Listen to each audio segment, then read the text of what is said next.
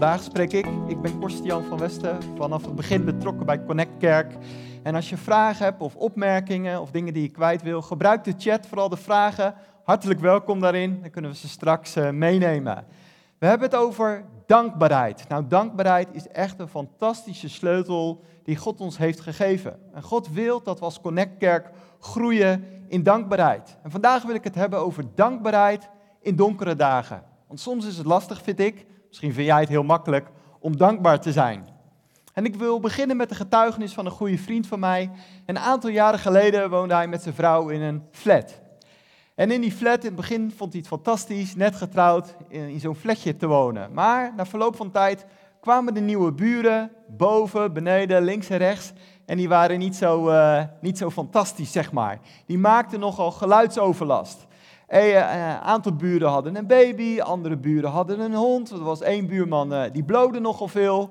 En hij vond het op een gegeven moment, kan je voorstellen, echt niet meer leuk om te wonen in dat flatje. Zoveel geluid. Midden in de nacht een andere buurman die met de deur uh, gooide en werd hij wakker van. En hij had zoiets, ik wil verhuizen. Ik wil weg uit deze flat. Want er was zoveel geluid, zoveel ruis om hem heen, dat hij zelfs gewoon in zijn flatje rondliep met oordoppen op, omdat hij zoveel gek werd van het geluid, alles om hem heen. En hij had zoiets van, nou, ik ga er natuurlijk voor bidden. Hij ging vasten, hij vroeg vrienden om gebed, proclameerde, hij zocht bijbelteksten. Heer, ik wil hier weg, ik wil verhuizen, ik word gek in mijn eigen huis. U heeft iets beters, iets anders. Open een deur voor mij.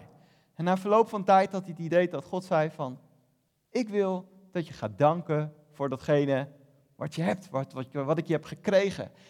En hij had zoiets, hoe kan ik danken voor deze herrie, voor dit geluid? Maar hij wou een man van geloof zijn, dus hij ging het proberen.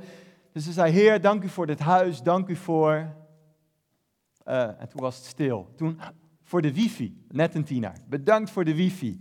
Bedankt voor de, voor de verwarming. Uh, even denken, ja, waar ben ik dankbaar voor voor dit huis? Voor de balkon, ja, één bij één, maar ik ben dankbaar voor het balkon. Ik ben dankbaar voor de deur, dat die open en dicht kan. En zo begon hij langzaam, eerst vanuit zijn verstand, te danken. Maar na een aantal weken, zei hij, begon ik echt dankbaar te worden. Dankbaar voor de plek die ik had. Was nog steeds lastig, was nog steeds irritant. En dat geluid en die geur van die wiet nog steeds super vervelend. Maar er kwam dankbaarheid in mijn hart. En na verloop van tijd had hij bijna zoiets, het valt ook wel weer mee.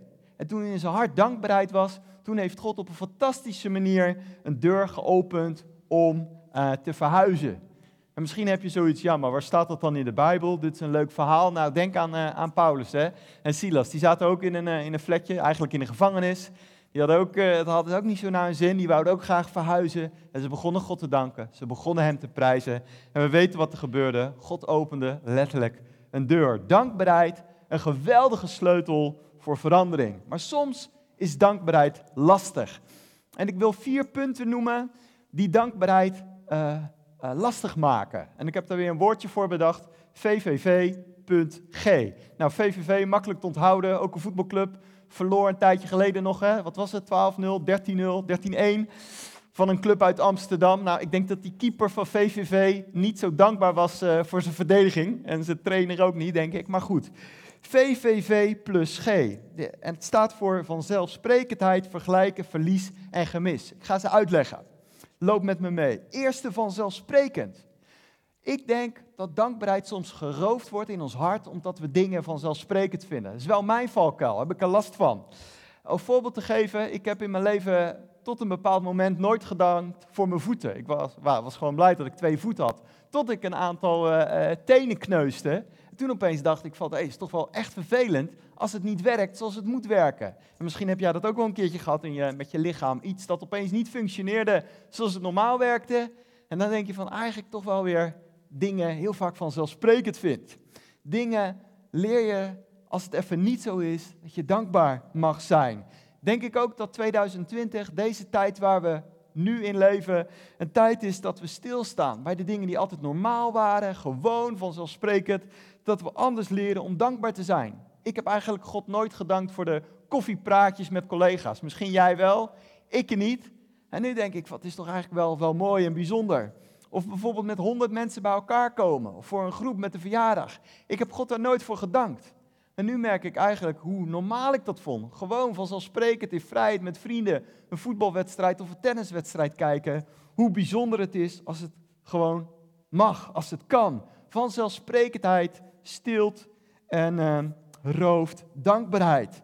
Als Connect Kerk denk ik ook een, een, een, mooie spiegel deze periode om te leren om niet alles van zelfsprekend te vinden normaal, maar uh, dankbaar te zijn. Een andere is vergelijken. Nou, misschien heb je daar nooit last van, maar ik heb er wel vaak last van gehad om te vergelijken met anderen. En ik weet nog een, een aantal jaren geleden was ik aan het verhuizen, was een vriend van mij aan het verhuizen.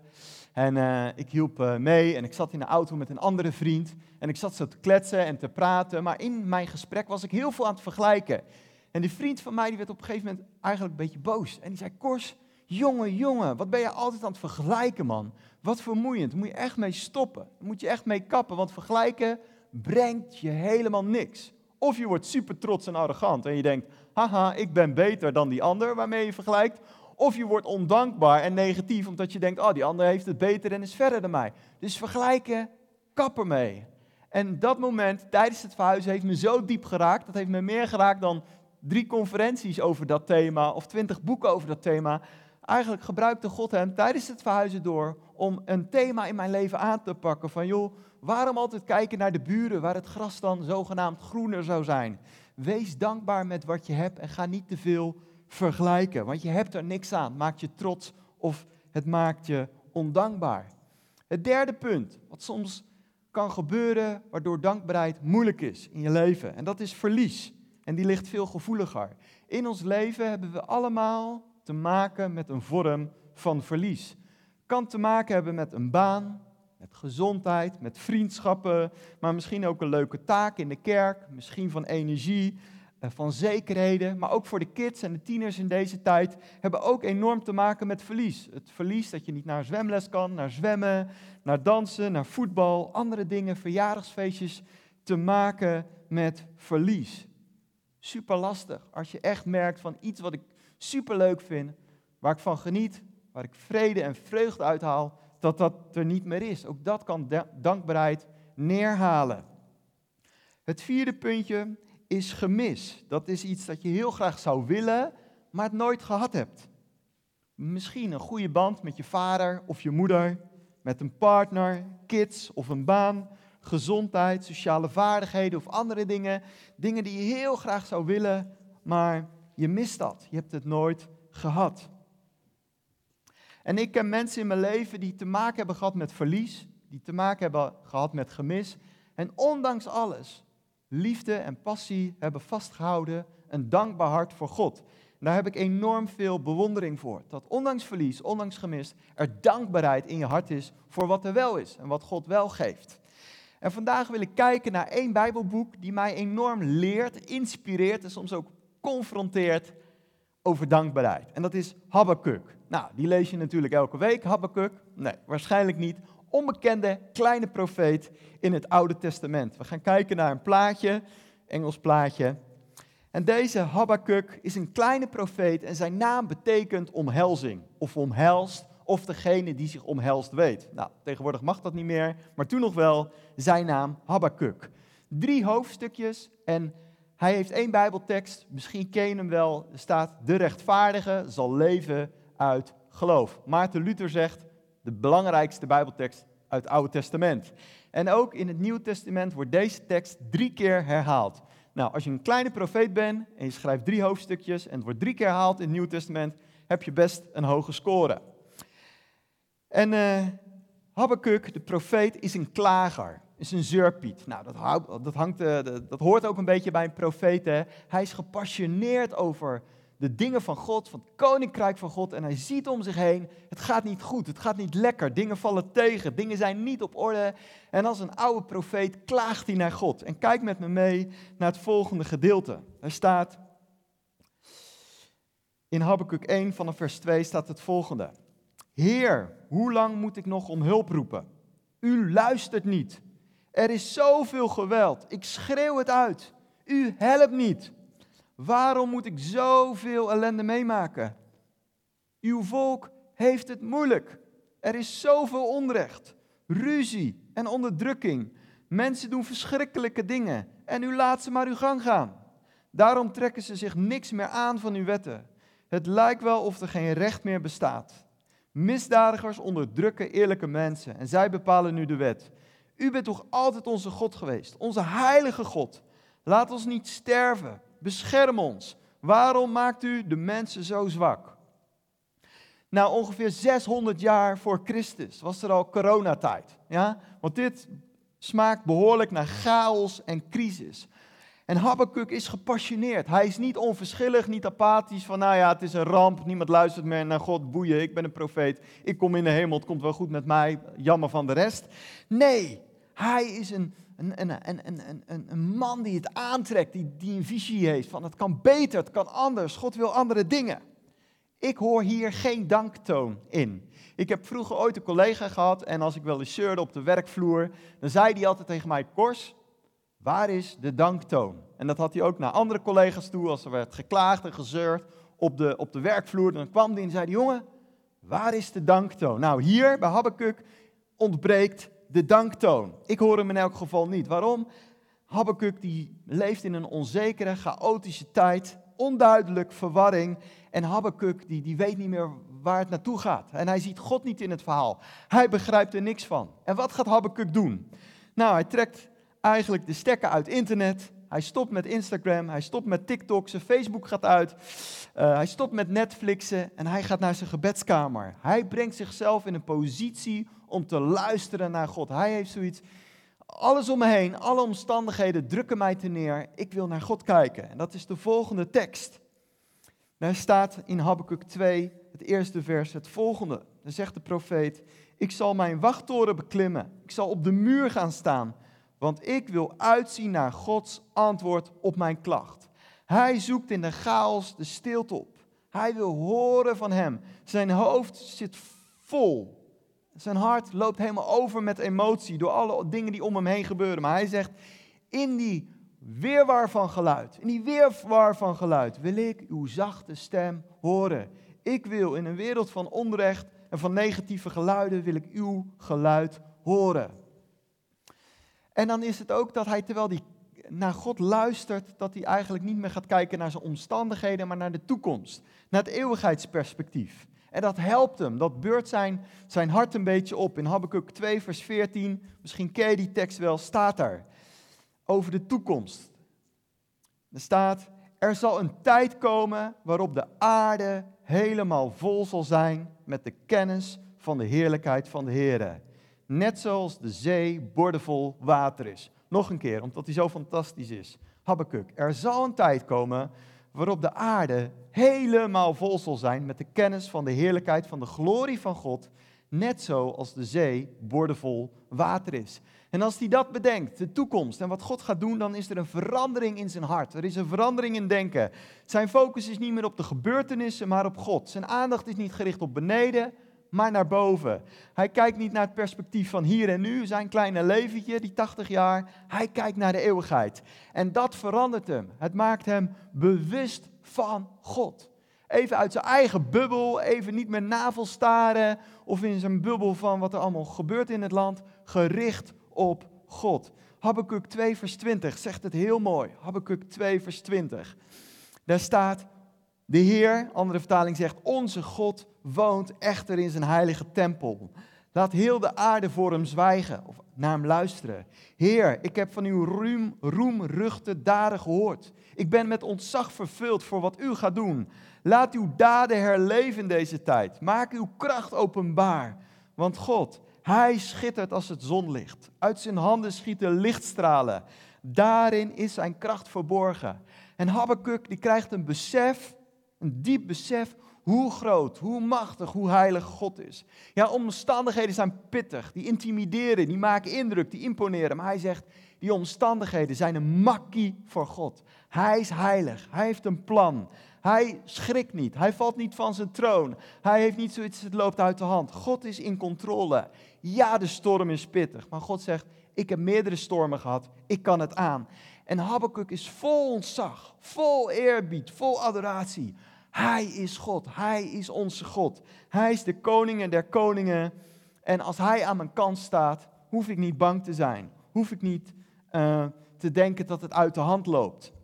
En als die beseft hoe groot God is en dat God in controle is, dan, ja, dan is in Habakkuk 3, vers 16, niet te verwarren met Johannes 3, vers 16, iets indrukwekkends. Dan staat er, toen de Heere mij dit onthulde, dus de openbaring hoe groot God is en wat hij allemaal aan het doen is, begonnen mijn lippen te trillen. Ik beefde van binnen. Mijn botten doen nog pijn, nog wankel ik op mijn benen. Toch wacht ik rustig af dat de Heer komt en oprukt tegen wat ons onderdrukt. Nou, iets anders hè, dan Johannes 3, vers 16, maar toch weer hetzelfde. Johannes 3, vers 16, de boodschap van Jezus over vrijheid. En dit is ook een boodschap van vrijheid. God is dezelfde. En Habakkuk die heeft zoiets van, ik ben onder de indruk. Hij trilt, hij, hij is helemaal beduust van, God is God. En hij heeft het laatste woord. En dan begint uh, eigenlijk een transitie in zijn hart. Er komt dankbaarheid, er komt vreugde, er komt aanbidding in het hart van Habakkuk. Habakkuk 3, vers 17. Daar staat, en dat is de tekst voor vandaag, al zal de vijgenboom niet in bloei staan en er geen vrucht aan de wijnstok zijn, al zal de opbrengst van de olijfboom tegenvallen en zullen de velden geen voedsel voortbrengen, al zal het klein vee uit de kooi verdwenen zijn en geen rund meer in de stallen zijn ik zal dan toch in de Heere van vreugde opspringen, mij verheugen in de God van mijn hel. De Heer is mijn kracht. Nou, wat je hier ziet, is dat, dat uh, Habakkuk uh, eerst gaat zeggen van, al zijn er geen luxe producten meer. Ik heb ze hier, ik uh, denk dat ze ook in beeld komen, olijven en, en wijn, druivensap. Dan zegt hij, zelfs als het ontbreekt, er zijn geen vijgen meer, er is geen uh, vrucht meer aan de, wijn, aan, aan de wijnstok. Er zijn geen olijven meer. Alle bijzondere dingen, ze zijn er niet meer. De luxe producten. In onze tijd misschien restaurantbezoek, de bioscoop, de sport, hobby's, voetbalclub, verjaardagsfeest. Als het allemaal niet is, super vervelend, super rot, ik mis het. Maar, zegt Habakkuk, ondanks dat, ik zal God aanbidden. Ik zal God prijzen en danken om wie die is. En wij hebben zoveel luxe producten. Wij zijn de meest luxe generatie ooit. Ja? Als je kijkt naar Napoleon en Julius Caesar, misschien wel de imponerende rijke mensen uh, die ooit hebben geleefd. Maar die twee, Julius Caesar en Napoleon, hadden veel en veel minder rijkdom dan een tiener van deze tijd zij, Napoleon, die droomde ervan om op een knop te drukken voor warm water en op een knop te drukken met de magnetron en iets lekkers eruit. Hij had het allemaal niet. Napoleon in al zijn rijkdom had geen internet, kon niet even kijken wat er in Amerika gebeurde. Wij zijn de meest luxe, streepje, verwende generatie ooit. En Habakkuk zegt, zelfs als luxe even ontbreekt, misschien nooit meer terugkomt, ondanks dat, ik ga niet zeuren, ik ga niet zielig doen, ik ga God danken. En dan gaat hij verder. En dat, dat, dat raakt me. Dat confronteert me en doet zelfs een beetje pijn. Dan zegt Habakkuk, zelfs als er geen voedsel meer is op het veld, geen kleinvee. Nou, dan moet je denken aan een geit, geitenmelk. Zelfs als dat er niet meer is en geen rund meer in de stal, geen inkomsten, geen, geen bedrijf meer. Alles naar de afgrond. Zelfs dan blijf ik springen van vreugde in mijn God. Wow, dit is, dit is fantastisch. Als God schudt aan de essentiële dingen, als het erg lastig is, verlies, gemis, ontbreken, spierballen kweken. Ja, groeien in dankbaarheid. Juiste periode om spierballen te kweken, groeien in dankbaarheid. In Rotterdam zouden ze zeggen, niet janken, maar juichen. Niet janken, maar juichen, omdat God gelukkig boven alles staat. Nou, ik kijk daar met bewondering naar. Ik heb niet zoiets van, ah, ik ben net als Habakkuk, ik ben van hetzelfde niveau. Nee, ik ben nog geen halve Habakkuk als ik dit lees. Maar het inspireert van wij als Connect, we willen groeien in dankbaarheid. Want Habakkuk, wat een fantastisch voorbeeld. Als ik dit zo lees, dan denk ik, jongen, naar welke kerk ging Habakkuk? Welke bijbelschool heeft hij gevolgd? Dat wil ik ook. Ik wil er ook naartoe. Ik wil dat ook leren. Want ondanks alles, als het pittig is en tegenwind, ik zal opspringen, ik zal juichen en danken voor God. En dan de laatste tekst van Habakkuk. Johannes, uh, Habakkuk 3. En de laatste tekst, daar uh, rondt hij mee af. En er staat, vers 19, Hij, God, maakt me sterk. Hij maakt me snel als een hert. Met hem beklim ik iedere berg. De Engelse message vertaling zegt, ik vat moed en ik krijg weer kracht. Ik ren als een hart. Ik voel alsof ik de koning van de berg ben. Dus in plaats van dat hij gebukt gaat onder de berg, heeft hij zoiets. Ik ben de koning van de berg. Samen met God, de koning der koningen, win ik omstandigheden. Ik ga niet zeuren, niet klagen met een dankbaar hart. God aan mijn zij. Ik vat moed, ik krijg nieuwe kracht. Om de omstandigheden krijgen mij niet klein. Ik ga heersen samen met anderen over omstandigheden. De, de klager wordt een, dank, wordt een danker omdat zijn perspectief is veranderd. Omdat hij bewust is, in zijn moeilijke omstandigheden is God er. En met een dankbaar hart kan ik als een hert over de omstandigheden heen gaan. En dat gun ik je toe. Ik zeg niet dat het makkelijk is deze tijd, dat het een makkie is. Het is pittig, het is soms onzeker, het is emotioneel. Ik mis ook een heleboel dingen. Juist in deze tijd hebben we elkaar nodig als Connect. App elkaar, bel elkaar. Ja, als het mogelijk is, wandel met elkaar. En voor negen uur natuurlijk. En met een dankbaar hart de muren uh, slechten. Ik wil uh, jullie daarmee zegenen. In Jezus' naam. Met kracht voor deze week, met moed. En bovenal groeien met elkaar in dankbaarheid. Dank, uh, Korstian, voor die, uh, die inspirerende woorden. M mijn eerste vraag, uh, ja. Korstian, naar aanleiding van wat je zei. Je zei over, um, we kunnen spierballen trainen. Ja. We kunnen um, dankbaarheid trainen. Ja. Volgens mij zei hij, verwoordde je dat zo. Uh, hoe, hoe, hoe zie ik dat praktisch voor me? Uh, hoe, hoe kan ik echt in dankbaarheid trainen? Ja, ja. ja is, is, is, is, een mooie vraag, ook een moeilijke vraag. Ik denk dat het voor iedereen anders is, van hoe groei je in dankbaarheid? Uh, voor mij helpt het ook om te ontdekken van, dat ik ervan uitga dat de dingen die lastig zijn, dat het tijdelijk is. Dat ik denk, maar het duurt langer dan ik had verwacht hoor, maar van over een half jaar kan het anders zijn. En ook te kijken van wat heb ik nog wel. Ik vind het heel fijn dat mijn vrouw gezond is, dat mijn kinderen gezond is, zijn, dat ik zelf gezond ben. En dat, dat geeft mij een extra reden om dankbaar te zijn in het perspectief ja, dat ik mijn vrienden mis, dat ik verjaardagsfeestjes mis en dat soort dingen. Mm. Dus om dat uh, voor ogen te houden. Oké. Okay. Net wat Habakkuk. Habakkuk ja. die, uh, die, die sloot zichzelf op. Ja. Die, uh, die unplugde ja. eigenlijk alles waar hij mee bezig was. Mm -hmm. Is dat dan is dat voor jou een, een voorwaarde om, om dankbaarheid te trainen? Of, of in het algemeen, is dat nodig om even helemaal los te komen en dan weer opnieuw te gaan beseffen, hey, dit heb ik nodig, hier ben ik dankbaar voor? Uh, ja, ik denk dat dat een manier is. Andere manier is dat mijn vrouw wel eens zegt van, joh, ik ben dankbaar voor dit en dit en dit. En we hebben eigenlijk niks te klagen vergeleken bij dat en dat. En dat helpt me weer om te beseffen, oh ja, eigenlijk hebben we het best wel goed. Maar inderdaad, om mij terug te trekken, om de Bijbel te lezen, om, om te kijken naar wat er wel is en wat God belooft, uh, dat helpt mij om dankbaar te zijn en ook bewust te zijn van, ja, we hebben het nog heel goed. Als je wel eens kijkt naar die uh, beelden in Griekenland met die, met die vluchtelingen, dan denk ik, ja, het kan honderdduizend keer slechter. Dus dat, dat, dat, dat helpt mij. En ook van, uh, in de moeilijkheid kan ik wel weer andere dingen leren. Ik heb mm. nu meer tijd voor God, voor de Bijbel, uh, voor mijn gezin, dan omdat andere dingen wegvallen. Dus de pluspunten, elk voordeel heeft een nadeel, geen bijbeltekst, maar wel bijna heilig. om uh, om ja. er zo mee om te gaan, ja. Oké. Okay. En als je dat nou, als je dat nou helemaal ja, wat praktisch zou maken, heb, zou je iets van een stappenplan hebben om, om tot een dankbaar hart te, te komen? Ja. Uh, zijn, zijn er een soort van, is daar een soort van volgorde in die je, die je kunt volgen om, om heel praktisch gewoon te maken om, om vanmiddag mee van start te gaan. Ja, nou, wat je bijvoorbeeld kan doen hè, is uh, s'avonds voordat je uh, naar bed gaat gewoon vijf punten noemen, misschien opschrijven.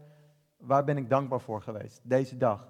Of aan het begin als je een ochtendmens bent, ben ik absoluut niet. Vijf dingen of drie dingen waar je dankbaar voor bent. Mm. Maar wat wij als, uh, als gezin ook vaak doen is vrijdagavond bij het, bij, na het eten dat we zeggen, hey, deze week als we terugkrijgen, welke dingen zijn we dankbaar voor? Hey, Samuel, noem er eens een paar. Mirte, noem er eens een paar. En in het begin is het even zoeken, van oh ja, wat, wat, wat, maar dan als de een iets, een, een, een, kaart op tafel legt, dan komt de ander ook met een, uh, met een kaart. Dus dat helpt. Mm -hmm. um, en gewoon in de dag door, door bewust zijn van uh, ja, wat, er, wat er wel is. Ja. Dus dat. Mooi.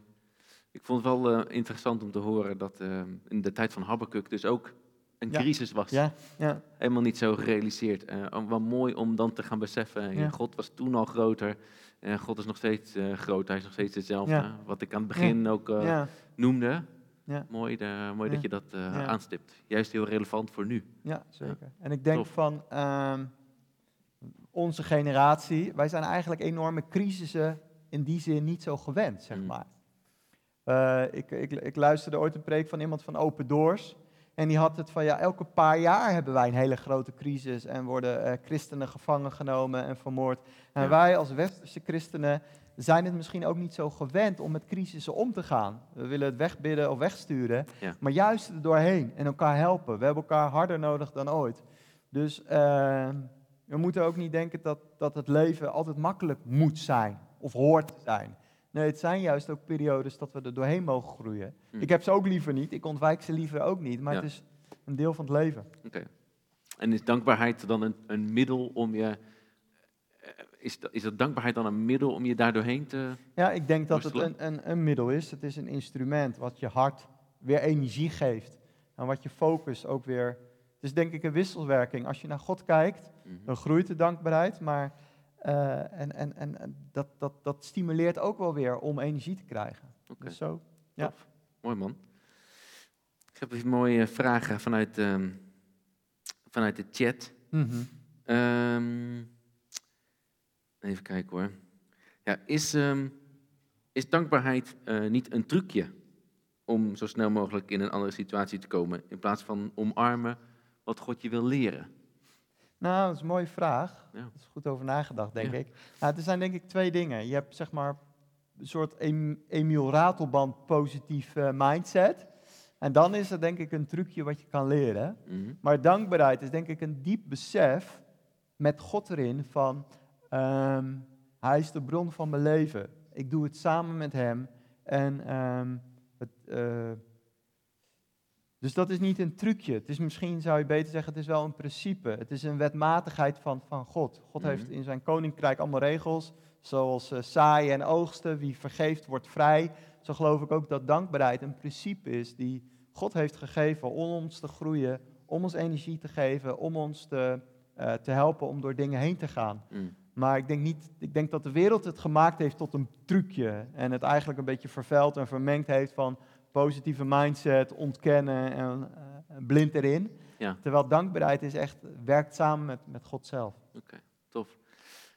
Dus um, heel even resumerend. Dankbaarheid is inderdaad een, een, hulpmiddel om juist misschien die moeilijke omstandigheden... Ja. Um, ja hier staat uh, ja, je moeilijke omstandigheden te omarmen of juist misschien ervan te leren. Mm -hmm. dus jij zegt dankbaarheid is het middel om juist die moeilijke omstandigheden het hoofd te bieden ja, en er sterker uit te komen. en er doorheen te gaan. Van, ik kan niet zeggen, als je dankbaar bent, zeg je niet dat het niet, niet moeilijk is. Mhm. Maar je zegt, ik ben dankbaar dat, dat God naast me is. Dat God me troost, dat hij me kracht geeft, dat hij me wijsheid geeft, dat hij me geduld geeft, dat hij me mensen geeft. En vanuit die dankbaarheid krijg je eigenlijk uh, goede dingen in je rugzak om het aan te kunnen. Het is niet het ontkennen, het is niet het ontwijken, het is niet het wegkijken. Maar het is juist de draak in de ogen kijken, maar niet vanuit een verslagen hart, maar vanuit een dankbaar hart. Van, uh, omdat je weet wie hij is en dat hij je mensen heeft gegeven om het samen te doen. Mooi. Ja. Tof. En ik krijg nog een laatste vraag. En um, uh, volgende maand is het uh, februari. Ja.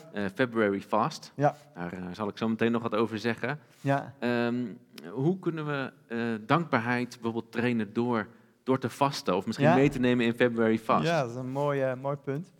Uh, wat, je, wat, we, wat je bijvoorbeeld kan doen is uh, om, om het jezelf te groeien, te trainen. De eerste dag schrijf in een kladblok of in je dagboek één punt op waar je dankbaar voor bent. En bouw het op naar tien, bouw het op naar twintig, zodat je daarin groeit in, in, in dankbaarheid. Juist als het allemaal tegen lijkt te zijn, om in February Fast um, te groeien in, in, in dingen te noemen waar je dankbaar voor bent, maar juist ook een koppeling naar God. Ik ben dankbaar voor, voor God, wie Hij is. Mm. En dan heb ik het over Zijn liefde, dan heb ik het over Zijn genade, dan heb ik het over Zijn wijsheid, maar ook Zijn heiligheid en ook Zijn geduld met mij en Zijn vergeving naar mij toe. Dus dankbaarheid niet alleen voor het leven hier en nu, maar ook mhm. dankbaar. Dat, dat, dat, dat leert David ons. Dat hij zo dankbaar was voor de vele aspecten die God is. Zodat we juist in February vast, in, in onze gebedsmaand, uh, dankbaar, dankbaar worden, nog meer worden, bewust zijn van wie, uh, wie hij is en, en, wie hij voor ons wil zijn. Ja, mooi. Dus, ja. Dankjewel, Christian. Dat is, uh, tof. Mocht je nou um, naar aanleiding van de woorden van Kostian of naar aanleiding van deze Q&A nog wat vragen hebben. Ehm, of je wil eens met iemand doorpraten. Misschien zit je wel in een hele moeilijke omstandigheid. Misschien heb je gebed nodig. Ehm, heb, je, heb je even wat extra ondersteuning nodig. Schroom dan niet om ook onze gebedstelefoon te bellen. Um, staat, uh, elke zondag zit daar iemand achter van 10 tot 1 om je, om je te bemoedigen, om voor je te bidden, om er voor je te zijn. Dat is wat we graag willen zijn. Met elkaar groeien in, in geloof. En als je ergens mee worstelt of als je het moeilijk hebt in deze coronaperiode, stuur een appje, doe een belletje, um, want we zijn er voor je. En dat vinden we echt ontzettend belangrijk, dat we, dat we met elkaar um, hier doorheen gaan. Dus schroom niet om, om dat te doen.